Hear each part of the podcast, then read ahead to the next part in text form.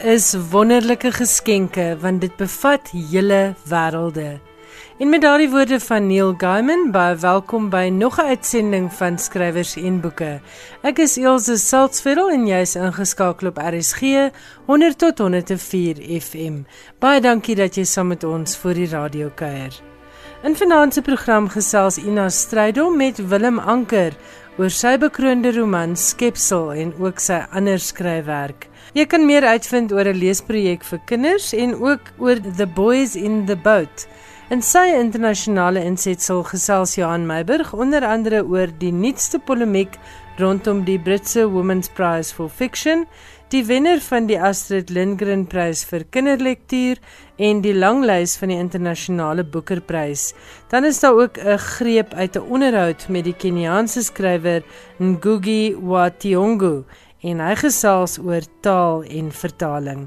Baie dankie dat jy ingeskakel is op skrywers en boeke en ek hoop jy geniet vanaand se boekgesprekke.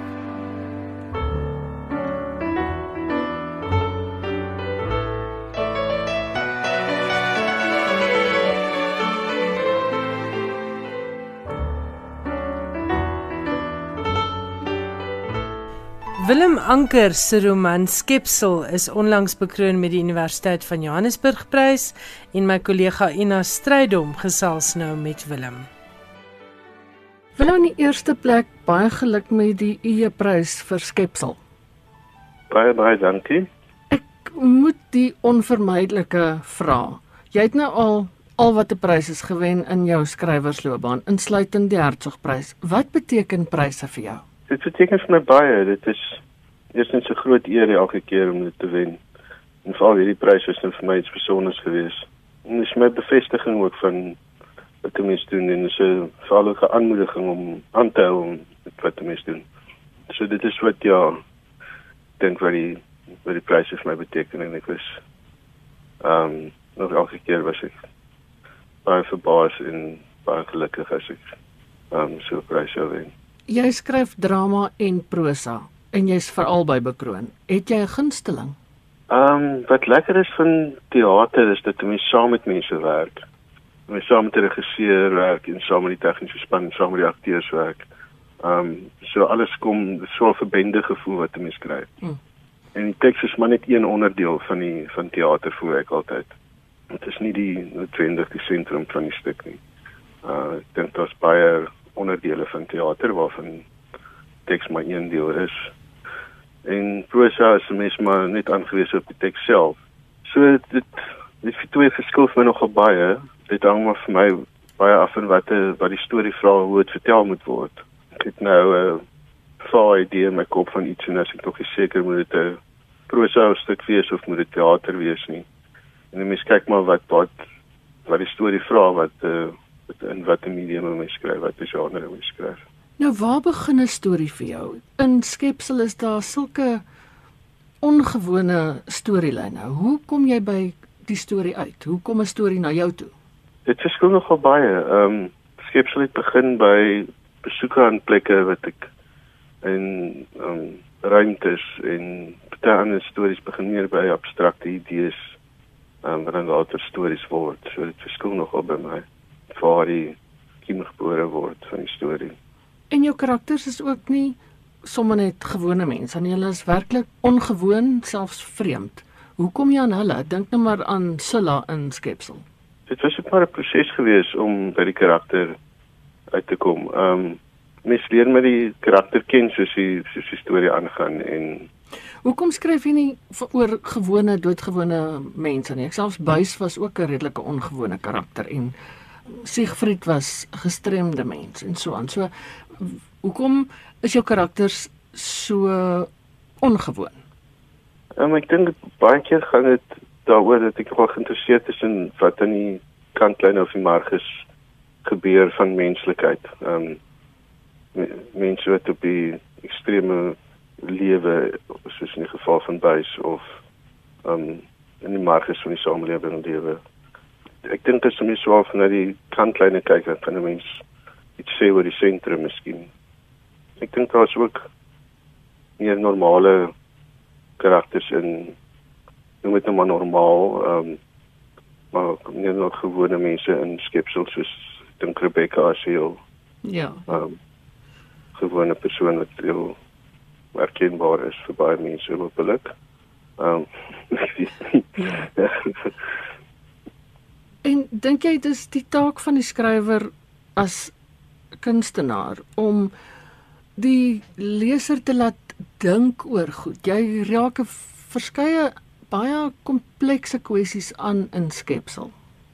Ek dink dit is dit is wonderlik as as ehm um, as 'n kunswerk iemand laat dink oor iets. Uh dit gaan mos net maar oor om iets te as ek skryf dan is dit maar ek wat voorstel met 'n klomp goed en en dink oor dinge en dan geïnteresseerd raak in sekere dinge. So dit is myself besig te hou vir 'n paar jaar met 'n projek met mense so gaan geïnteresseerd wees daarin in die in die stof waarmee mens werk. So dit is wonderlik as dit nou ander mense ook interesseer en wat wonder oor dieselfde goed waar ek gewonder het. Ehm um, terwyl ek geskryf het. Jy het 'n redelike lang lys erkennings agter in die boek wat dui op 'n klomp navorsing. Hoe lank doen jy navorsing en hoe belangrik is dit vir jou in die proses? Dit hang nogal baie af van van ehm um, werk tot werk. In skepsel het ek baie navorsing gedoen ehm um, oor tegnologie en ehm um, oor die natuur ensovoorts. 'n bietjie filosofie gelees. So dit hang maar af van van werk tot werk wat die wat die werk vra en skepsel was net maar een um, van die wat ek dink baie navorsing gesoek het en ek dink die meeste van my goed doen ek gewoonlik baie navorsing. Maar weer eens hang dit maar af van die storie wat dit vra. Maar mense raak maar geïnteresseerd te goed lees mens verder en hopelik die erkennings agterin was maar ook maar net so al vir so ekstra dat iemand miskien daarna sou wil kyk. Sou ook belangstel in in die dinge wat in die boek aangaan. Vir my was een van die belangrike waardes van die erkenning om te besef dat alles wat jy in die boek skryf is nie gewoon wat jy uitgedink het nie dit bestaan regtig of dit het regtig 'n oorsprong iewers soos om nou maar terug te kom na Silla toe die half mens half masjien is dit wil jy hê mense moet vra vra oor hierdie goed behoort mense te vra as jy die boek lees Jo, die mense is so slim, ons kan reeds so baie doen, maar behoort mense dit te doen? ja, dis 'n interessante vraag. Um, in die eerste plek die tegnologie en alles meeste van die goed wat in die boek gebeur of genoem word is tegnologie wat reeds bestaan. Ja. En ek wil dit ook duidelik maak dat dit nou nie ehm um, natuurlik het ek nie hier en daar dinge aangelas of Ja, natuurlik. vergroot en so aan, maar meeste van die tegnologie in die boek bestaan lankal reeds. Hmm. En die tegnologie verouder so gou binnekort gaan dit 'n historiese roman wees. En ek dink die ander vraag wat jy gevra het is gaan vir my nogal daaroor dat wat is die mens se plek en sy verbinding met die met die wêreld, met die met die natuur, met die mense rondom hom en um wat is die natuur en is 'n vragmotor nie ook maar deel van die natuur nie. Mm, mm. En die verbindings tussen al hierdie dinge. Um so dit is maar die vraag waarom ek vir myself gevra het. Daar's een klein uh, miskien onbenullig, maar miskien die feit dat dit in al drie storielyne kom sê vir my dit moet iets beteken. En dis die polistireen koppie. Wat is jou doel daarmee gewees? Ehm um, ek dink dit is maar vir elke leser om te besluit wat dit wat dit is, maar vir my het dit nogal gegaan oor iets wat so vassit en, nie weg kan kom nie. Ehm um, en my is dink aan dinge soos aardverwarming of wat ek al seker goed is. Ons kan nie loskom daarvan af nie. As altyd die, die remnante van dinge wat die mens dink jy beheer red, maar altyd nie dink jy kan loskom daarvan af, maar dit bly maar vassit. En waarskynlik ook ons verantwoordelikheid om nie sulke uh, morsighede rond te gooi nie. Ja, en dat die mens ook nie kan loskom van die, van die gemors nie. Ja. Die gemors maar vassit aan ons. En as daar nie 'n weg is, ehm um, Timothy Morton het gesê dat dat daar nie 'n weg is waarna toe dinge kan gaan nie. Ons is ons sit maar met ons gemors, ons afval en ons die polistireen koppies in die lewe letterlik en figuurlik. Ek wil nou nie die die storie as vir luisteraars wat dit nog nie gelees het nie, bederf nie, maar die manier waarop Benk Maas gekies het om dood te gaan is vir my ongelooflik interessant en mens kyk noodwendig daarna anders na Sampioene. Waar het jy daaraan gekom? Daar's baie soortgelyke ehm um, rituele en seker tipe dinge op die self sien maar op die mark. Ehm um, en dan ek noem ook 'n paar van ander tipe van grafnisrituele in die boek.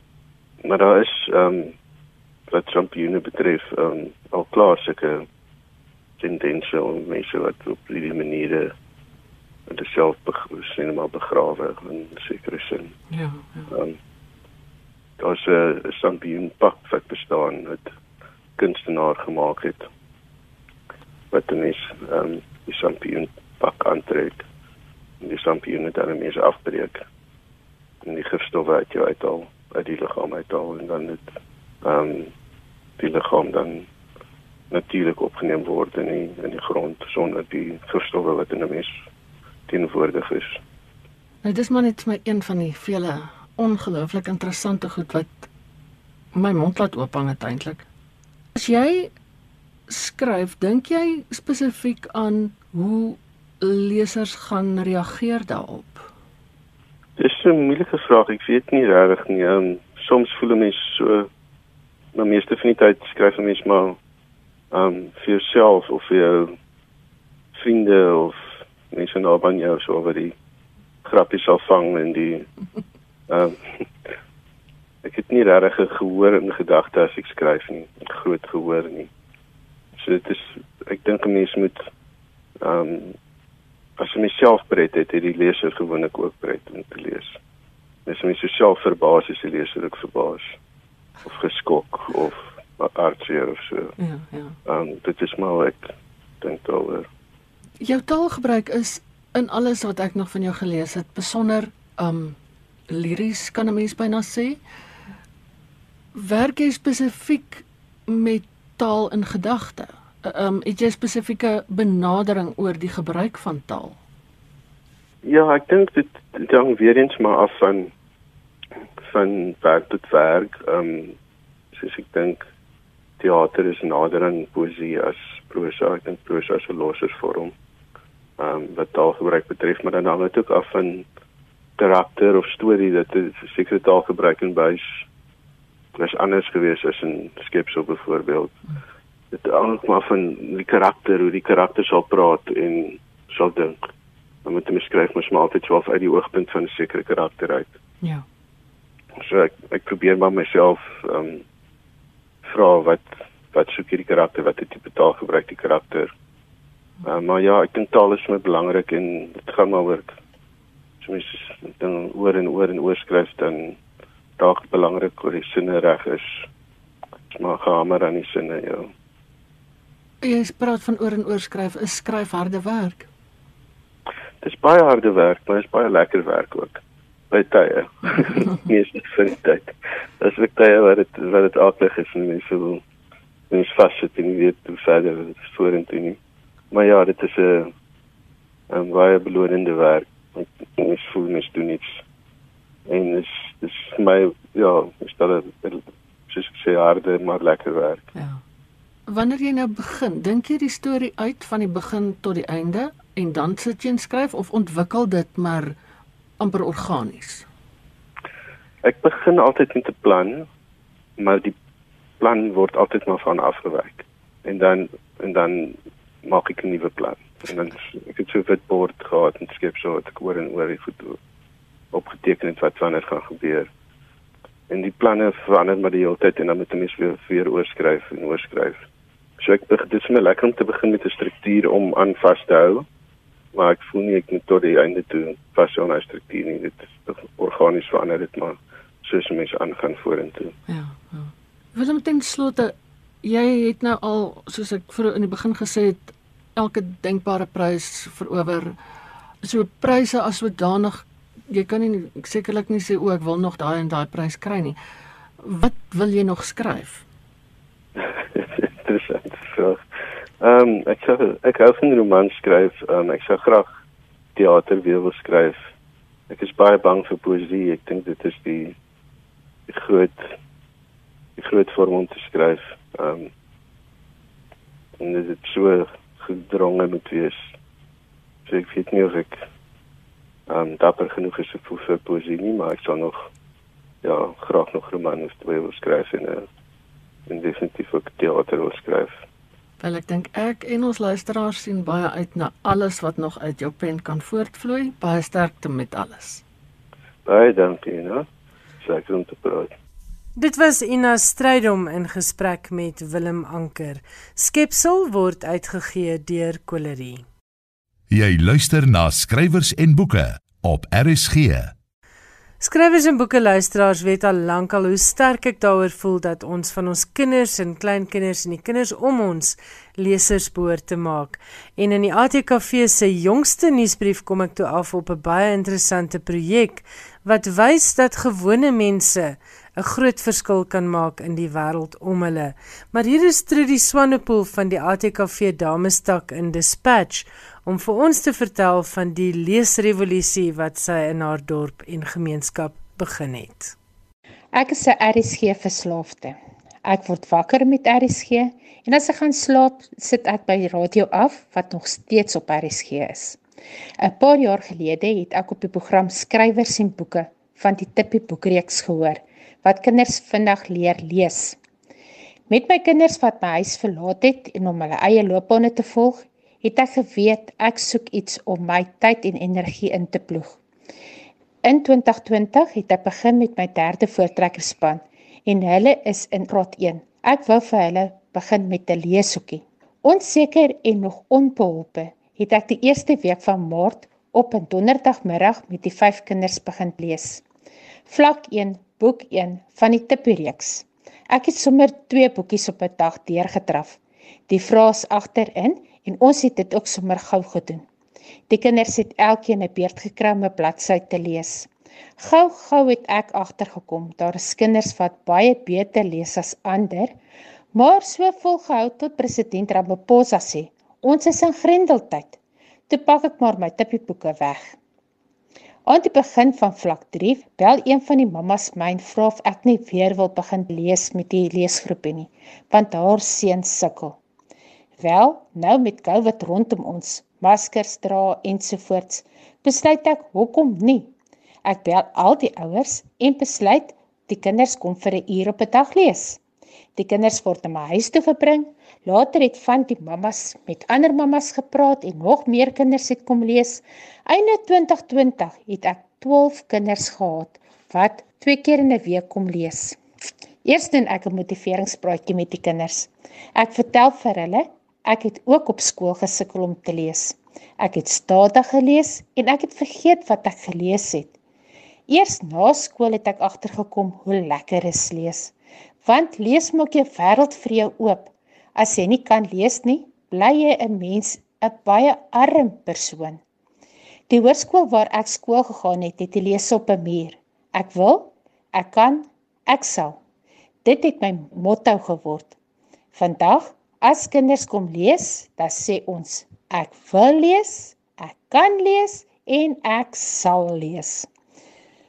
Verskeie ouderdomme groepe kinders lees by my. As kinders sukkel om te lees, lees ek saam met hulle. Gee eers maklike tippieboeke en verduidelik die woorde. Dit is vir my verskrikwekkend dat die klein kindertjies so baie Engels praat. En as hulle die prentjies sien, dan kom die Engelse woordjies sommer op want hulle hou nie van klank nie. Daarom klank ons ook van die makliker woorde as ons sukkel. Baie ouers het al teruggekom en gesê hulle kinders lees al baie beter. Hulle sien die verskil. Kinders kry selfvertroue want die tannie glo in my en prys my as ek 'n moeilike woordjie basrok. Kinders kry respek vir die boek wat hy lees, asook vir ander mense. In die helfte van verlede jaar het 'n seun in graad 1 by my uitgekom. Altyd kop onderste bo. Kon glad nie lees nie. Vandag kom lees hy al baie makliker en het ons verby vlak 1 en vlak 2 geskuif. Hy loop nie meer kop onderste bo nie. Hy hardloop by my huis se deur in. 'n Seun was in graad 3. Ek het hom laat lees van vlak 1 deur tot vlak 4 van die tippereeks. Hy lees al baie baie beter as ook met begrip. Kinders leer om deur te trek, want as dinge moeilik is, dan sê ons ek kan, ek wil en ek sal. Dit raak deel van hulle menswees. Sonder die tippereeks sou ek nie die leesprojek wat 'n takprojek van die ATKV is gedoen het nie. Ons kort nog so 'n reeks van vlak 1 tot 4 om die kinders te help lees. Ek is so dankbaar vir my tippie pop. Kinders kom in, hulle moet een tippie boek saam met die ander wat ek gekies het lees. Tippies sit op hulle skoot of langs hulle. Ek het hierdie jaar ook uitgebrei na ons breingemeenskap Tailview en tippie gaan saam. Donderdag middag as ek aangery kom, hardop die kinders agter my aan.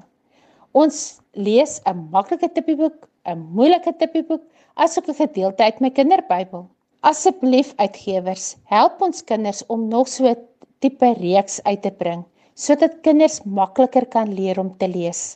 Ek het gesien daar kom kinders by my aan as hulle deur die vlakke lees, verstaan hulle ewe skielik die begrip van lees en daar kan jy hulle nie stop nie. Hulle raak sommer leesverslaafdes. Wat kry ek daaruit? Ek is bly dat Jesus Christus my geduld gegee het om deur te trek en dat ek sy liefde kan uitdra na die kinders. Ek sien die groei in elke kind raak. Ek is so bly ek kan deel wees van hulle leesgroei, maar ook mens wees. Raad aan ander, moenie dink nie, doen net. Raak betrokke in jou omgewing, soos ATKV of die kerk en laat die leesprojek gebeur. Daar is mense en organisasies wat jou sal ondersteun. Die wil moet net daar wees want daar is baie kinders wat net 'n klein bietjie hulp nodig het om te kan lees.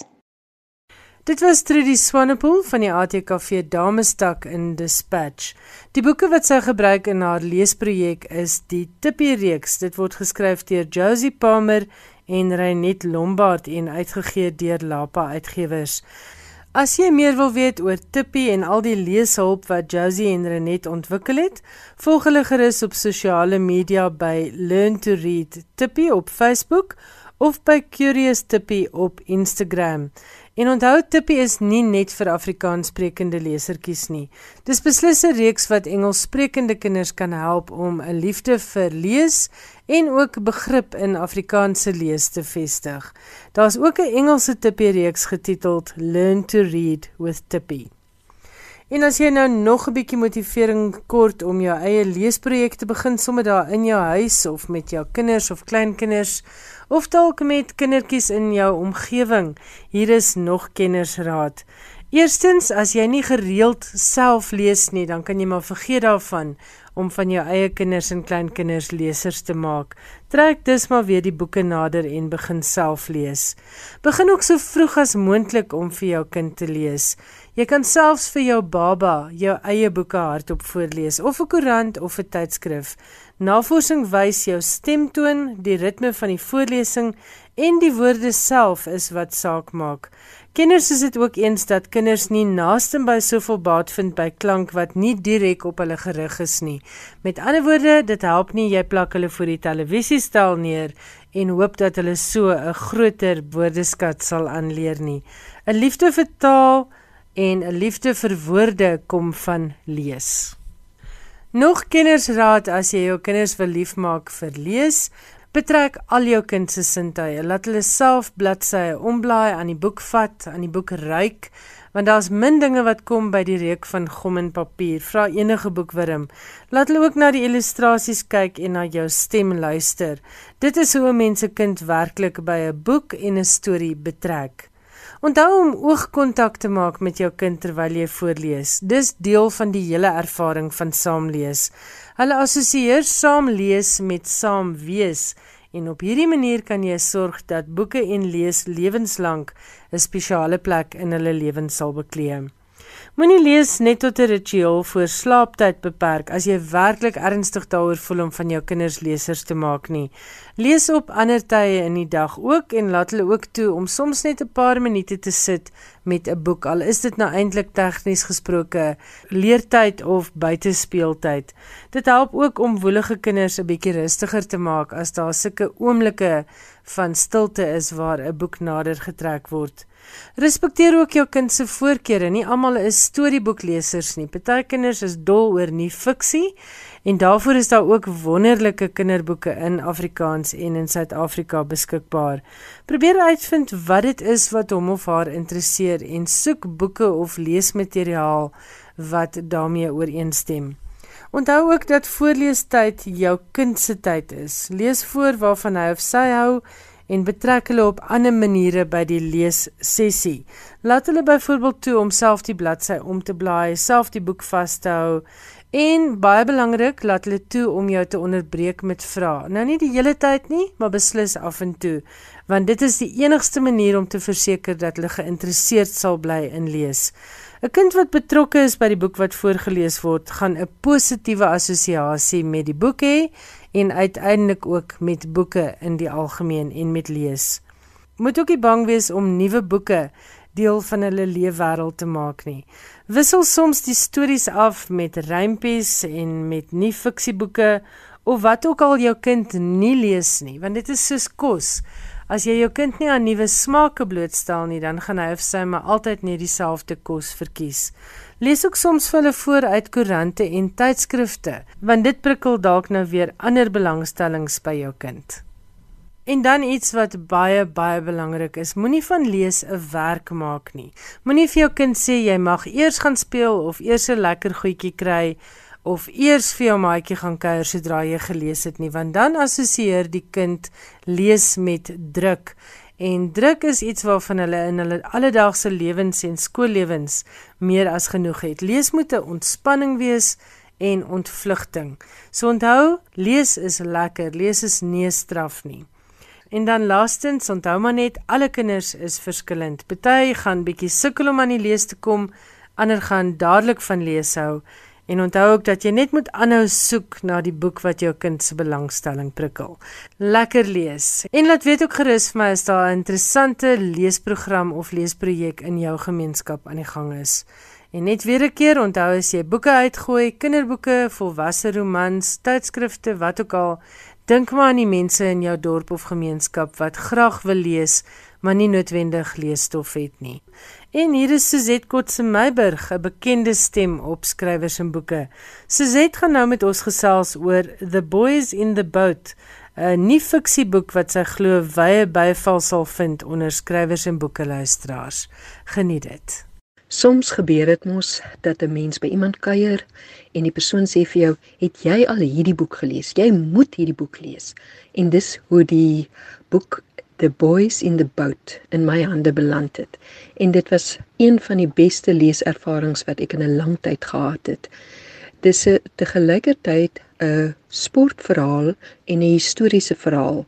Dit is narratiewe nie fiksie, 'n narrative non-fiction en dit sentreer rondom 'n roeispan van die Universiteit van Washington in Seattle wat in 1936 'n uh, deelgeneem het aan die Olimpiese spele in Berlyn wat natuurlik die berugte Olimpiese spele is want dit was die tyd van Hitler en uh, op 'n baie interessante manier het die nasies propaganda gebruik om Hitler en die nuwe Duitsland as ware voor die oë van die wêreld te paradeer en eintlik die wêreld te bedrieg oor wat hulle besig was om te doen met die Jode uitwissing.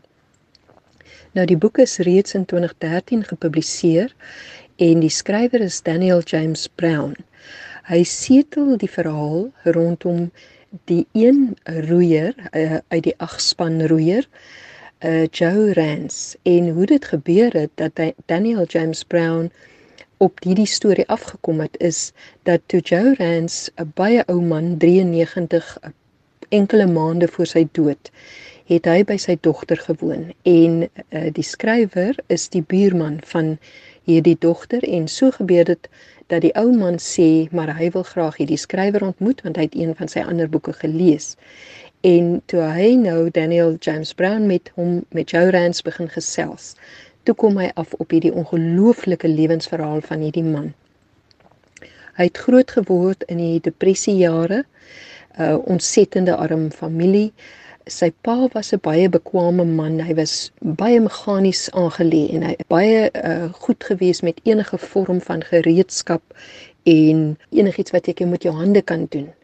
Maar in daardie tyd van die groot depressie was daar net eenvoudig nie werk nie. Mense het werklik waar armoede beleef op 'n skaal wat ek dink ons intussen al op 'n manier vergeet het.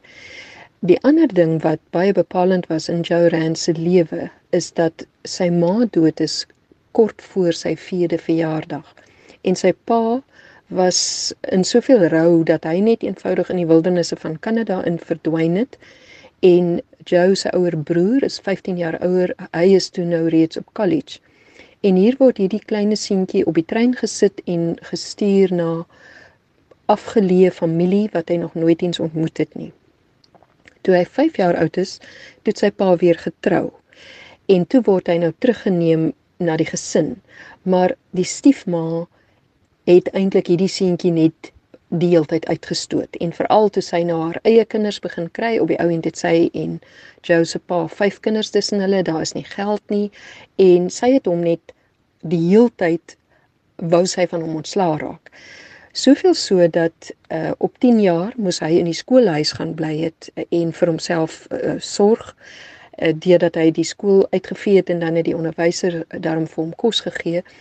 En maar toe hy 15 is en hy was op hoërskool, toe eendag kom hy by die huis en toe is sy pa net almal opgepak in die kar en hier gaan hulle Seattle toe, maar hulle sê nie vir hom waarheen hulle gaan nie en hulle los hom net daar. So van daai ouderdom af het hy vir homself moes sorg. Sy broer het toe uiteindelik in sy laaste skooljaar gesê kom na ons in Seattle sodat jy na 'n goeie skool toe kan gaan sodat jy 'n kans kan kry om universiteit toe te gaan. En so het Joe beland by die Universiteit van Washington. En die afrigter uh toe L Ulbrichsen het hom raak gesien uh nog op skool toe hy in 'n gimnasium geoefen het en hy sê vir hom kom en probeer in die roeispan kom.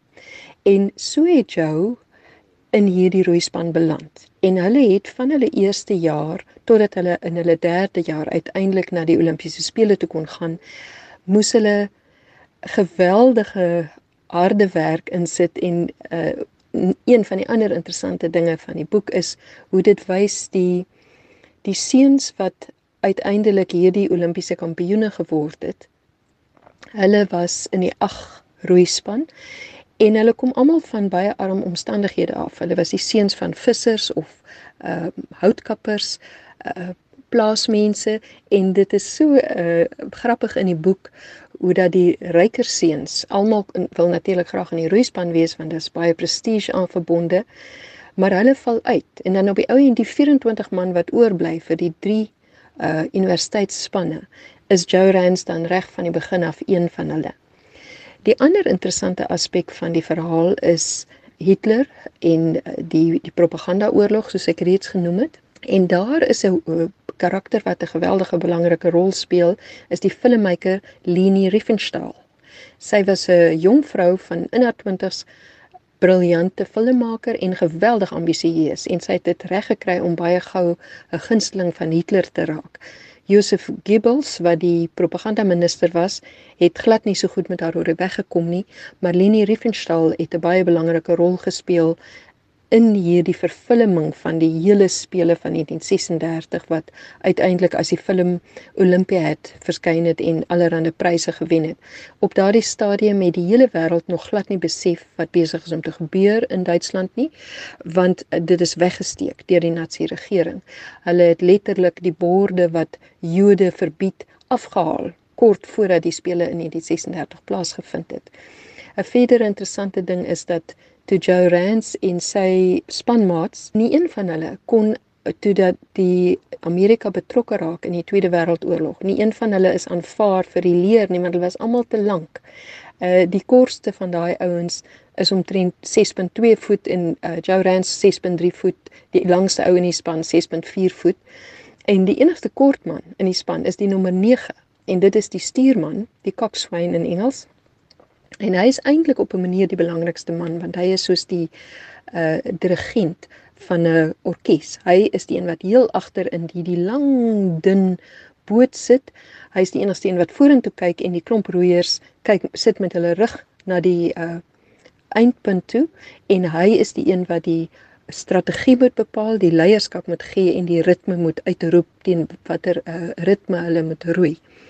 So vir enige iemand wat belangstel in enerzijds sport en anderzijds geskiedenis, hierdie is 'n fantastiese verhaal om te lees.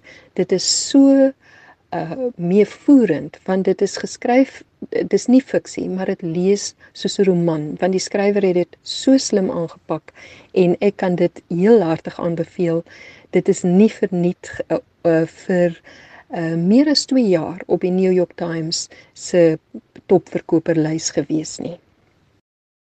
Daar is stem behoort aan Suzette Kotse Meiberg en sy het gesels oor The Boys in the Boat deur Daniel James Brown. Nou is dit tyd vir Johan Meiberg se internasionale boeke nuus en soos ek gesê het vanaand gesels hy oor die polemiek rondom die Britse Women's Prize for Fiction Die wenner van die Astrid Lindgren Prys vir kinderboeke en die langlys van die internasionale boekerprys en jy kan ook luister na die Keniaanse skrywer Ngugi wa Thiong'o. Jan Meiberg, die mikrofoon is jou. Baie welkom en baie dankie. Die Britse fiksieprys vir vroue skrywers, die prys wat in 1996 in die lewe geroep is omdat die destydse Man Booker min werk van vroue skrywers in sy lang en kortlyste ingesluit het, het deur die jare al by meer as een geleentheid onderskoot gekom. The Women's Prize for Fiction, voorheen ook the Bailey's Prize for Fiction, die Orange Prize for Fiction en die Orange Broadband Prize for Fiction genoem, is een van die gesogte literêre pryse in Brittanje. Dit word jaarliks toegekend aan 'n vroue skrywer van enige nasionaliteit vir die beste oorspronklike roman geskryf in Engels wat in die voorafgaande jaar in die Verenigde Koninkryk gepubliseer is. In 2016 het Lionel Shriver, Amerikaanse skrywer wat die Orange Prys in 2005 verower het met haar We Need to Talk About Kevin, 'n prys vir vroue skrywers as problematies beskryf. Die hele ding om 'n prys spesiaal vir vroue te hê asof hulle spesiaal is en daar spesiale reëls vir hulle moet geld, is problematies en kan met mening terugslaan. Het sy oor die prys gesê en 'n hele klompie mense in die proses kwaad gemaak. In 2019 was daar 'n rimpeling oor die kwessie van eksklusief vroue skrywers toe die Nigeriese skrywer Akwake Emezi wat in New York woon een van die 16 skrywers op die langlys vir die prys was. Emezi is 'n transgender skrywer wat nie as man of vrou geïdentifiseer wil word nie. En nou het die organiseerders van die prys in 'n sterk bewoorde verklaring sy afkeur uitgespreek oor enige pogings om skrywers wat vir die prys benoem is te kleineer of te boelie. Die verklaring kom na 'n oop brief waarin Torrey Peters skrywers van Die Transition Baby, een van die boeke in die langlys, deurgeloop het. Die brief is geskryf deur die Wild Women Writing Club. En die brief sluit handtekeninge in van mense soos Emily Dickinson en Daphne du Maurier, skrywers wat lank reeds dood is.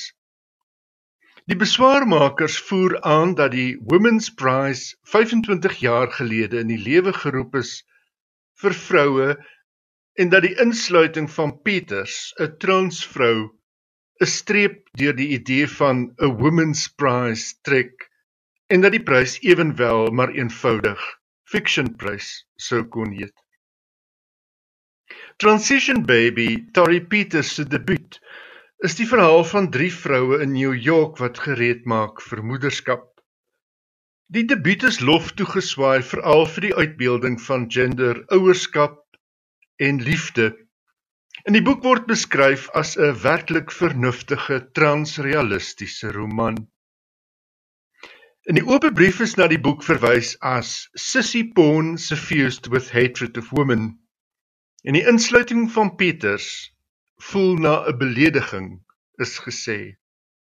Die beoordelaars hou voet by stuk by hulle langlys en het benadruk dat hulle trots is op die uitsonderlike en geskakeerde langlys.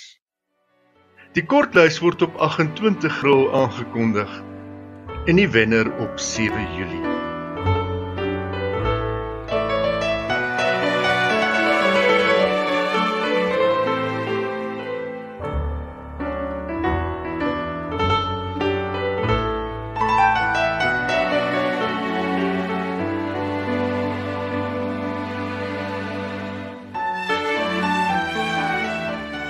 Winter's End is 'n distopiese verhaal van drie tieners wat die bykans onmoontlike vermag in hul stryd teen tirannie in 'n wêreld waarin die een keuse so gevaarlik soos die volgende een is. Milena, Bartolomeo, Helen en Milos se ouers is jare gelede deur 'n boosaardige regering uit die weg geruim en hulle is op vlug voor 'n span wat op hulle spoor is. Slegs 3 van die 4 slag daarin om die hoofkwartier van die weerstandsbeweging en daarmee veiligheid te haal. Die vierde een word gevang en gedwing om deel te neem aan 'n gruisame spel wat as vermaak vir die menigte aangebied word. Die roman, geskryf deur die Franse skrywer Jean-Claude Moulevat, is vertaal deur Anthea Bell as Winter's End en is pas aangewys as die wenner van die Astrid Lindgren Gedenkprys, die voorste prys vir letterkunde ter wêreld vir kinders en jong lesers. Die prys ter waarde van sowat 8,3 miljoen rand is in 2002 deur die Sweedse regering ingestel en is genoem na Astrid Lindgren, skrywer van die weerbarstige Pippi Langkous. Lindgren is in 2002 in die ouderdom van 94 dood. Die 69-jarige Moerlewat het meer as 30 boeke vir kinders en jong lesers geskryf waarvan soveel as 20 vertaal is. Hy het sy loopbaan as Duits onderwyser begin en daarna oorgeslaan na drama. Hy meen dis drama wat sy voorliefde vir veeverhale, fabels en fantasie aangewakker het. Winter's End word uitgegee deur Penguin Random House.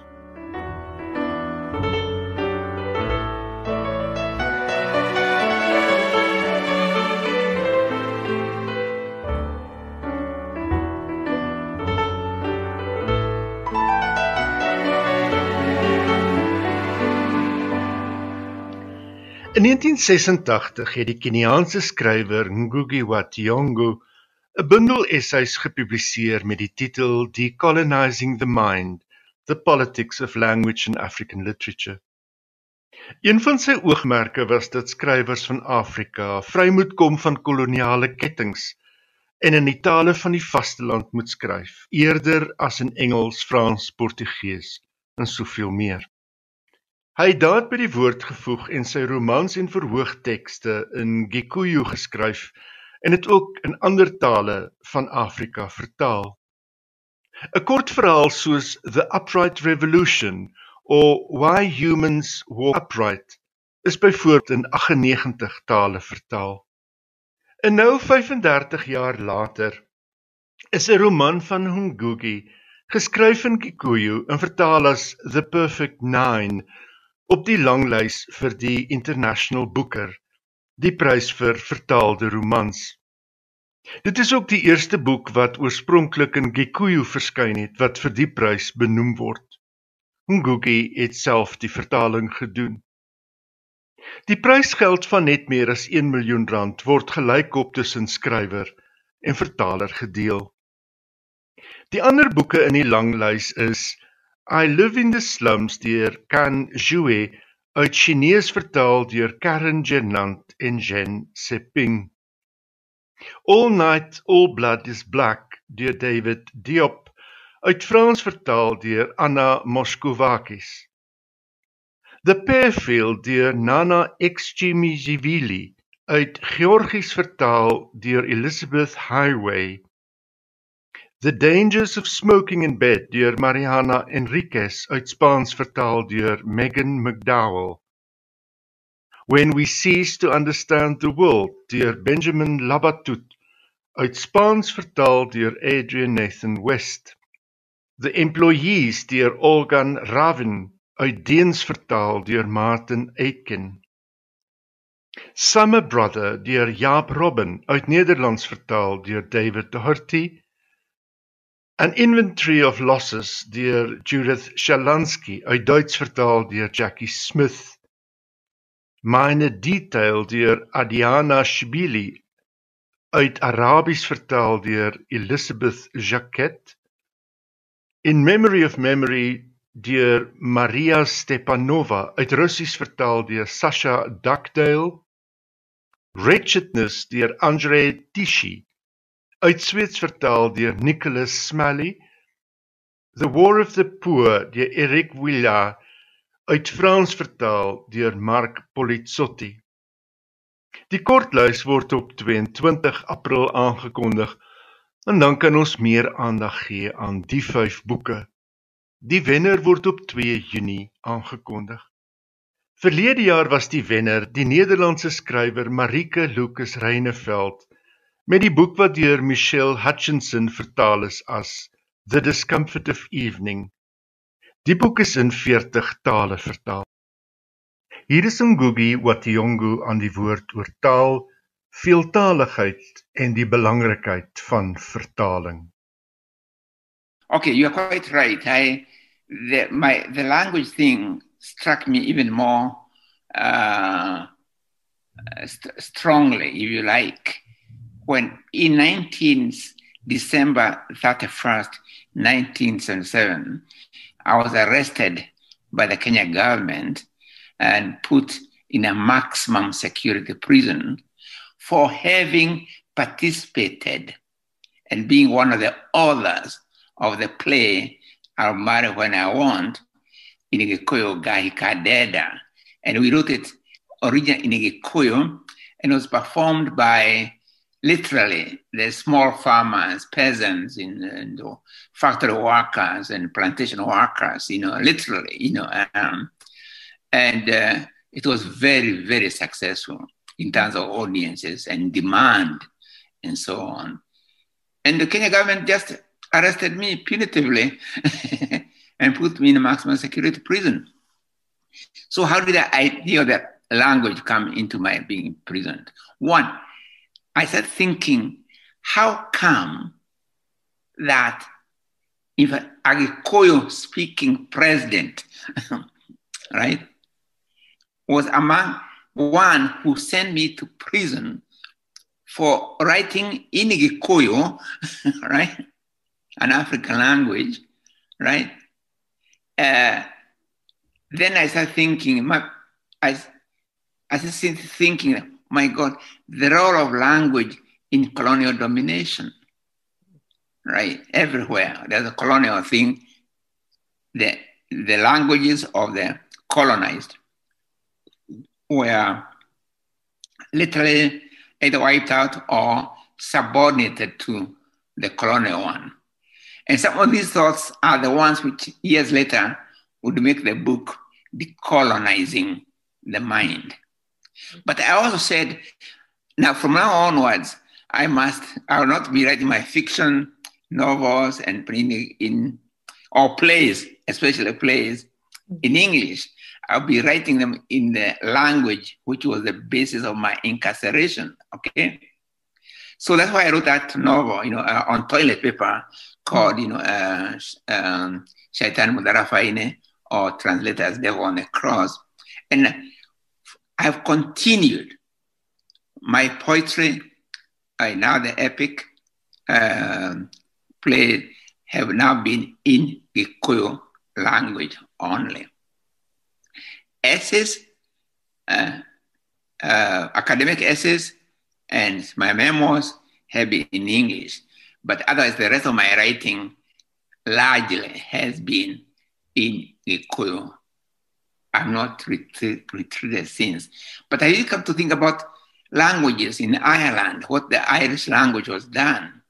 Uh, was how it was decimated or weakened. You know, I looked at Native American languages, how they were similarly, you know, subordinated to English. You know, um, how the Maori language in New Zealand again, where people were actually beaten to bleed their bodies bleeding when they were caught speaking Maori in a school compound, right? Same in Australia. It's everywhere. So it become uh, so now today I'm totally opposed to languages relating to each other in terms of hierarchy. Mm-hmm. And I keep on saying there is no language which is more of a language than any other. That every language has its own musicality, and there's one who can say its musicality is somehow more musical than the musicality of any other language, even if spoken by a few people. They can play the same melody, but their musicality, like musical instruments, you know, we have the piano, with guitar, with the violin, you know, and another instrument all over the world. And we don't say, I like the piano is a higher musicality. It must be, we must abolish all the other musical instruments and leave the piano alone or, or only, or the guitar. Okay? Each language, even if spoken by, has its own musicality, unique to itself. But that music also carries memory, the knowledge system of the environment, and many other things at the same time. Okay. Note that with musical instruments, when they come together, the guitar and the piano can come together and they create orchestra or quartet or whatever, right? And harmony, right?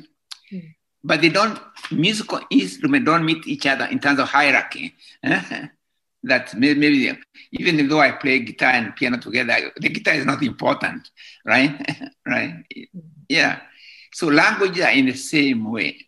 Each language has its musicality, unique to itself. English has, French has, Russian, so has Yoruba, is Zulu, Ikoyo, Sanskrit, Hindi, Gujarati. I mean, Mandarin, Japanese, and all these languages. Why put them in hierarchical relation to each other? Why not let them meet on the basis of equal give and take? And that's where translation comes in, which I normally describe as the language of languages. Uh, because I say it's a, it's a language, it's a common language of all languages because any one language can be translated into another. They may not be to capture the musicality of the original. That's not possible. That's unique to that language, right? But they may try to capture the spirit of the other one in the musicality of, say, English or Gujarati, you know, or Hindi, you know, or so on.